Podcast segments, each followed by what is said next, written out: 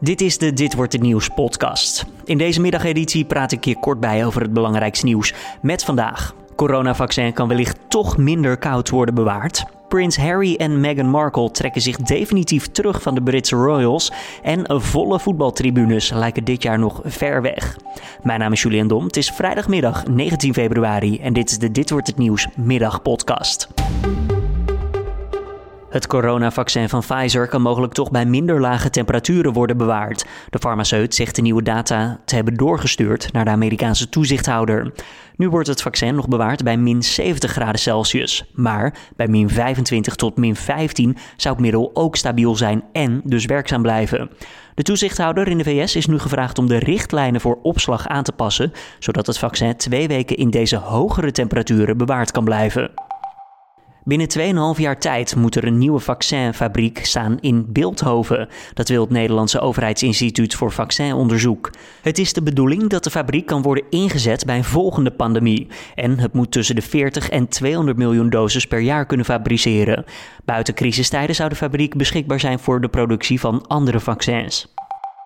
Prins Harry en Meghan Markle breken definitief met de Britse koninklijke familie. Het stel heeft koningin Elizabeth verteld op eigen benen te willen staan. Vorig jaar stapten de twee al terug en waren ze van plan financieel onafhankelijk te worden van de familie. Waar ze zich nu mee bezig zullen houden, vertelt onze entertainmentredacteur Sean Verhoeven. Nou, wat ze, wat ze dan zullen gaan doen, dat hebben we de afgelopen tijd eigenlijk al gezien. Ze zijn bezig met de productie van, van films, documentaires. Uh, ze zijn binnenkort te gast bij Oprah. En er komt een tweede kindje aan. Het is niet waarschijnlijk dat de tribunes dit jaar nog bij voetbalwedstrijden vol zullen zijn. Dat zegt OMT-lid Andreas Vos tegen de NOS.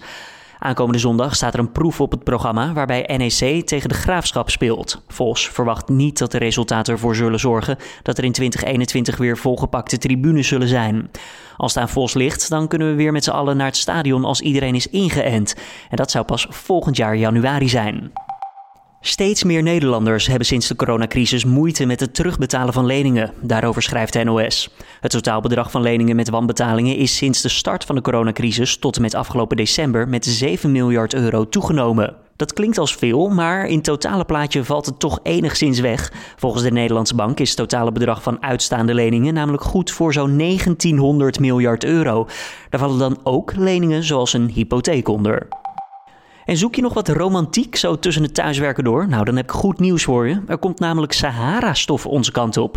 En dan vraag je je wellicht af, wat heeft dat dan met romantiek te maken? Nou, dat vertelt Weerplaza. Ja, het stof dat zorgt ervoor dat een uh, zonsopkomst of een zonsondergang uh, veel roder van kleur kan zijn dan een uh, gebruikelijke zonsopkomst en zonsondergang. Ja, en rood, dat is natuurlijk de kleur van de liefde. Het lijkt er vooralsnog op dat we twee dagen kunnen genieten van dit fenomeen. Zoals het er nu eruit ziet, het lijkt zondag en maandag een, een goede dag te zijn voor een mooie rode zonsopkomst of een uh, zonsondergang die extra rood gekleurd is.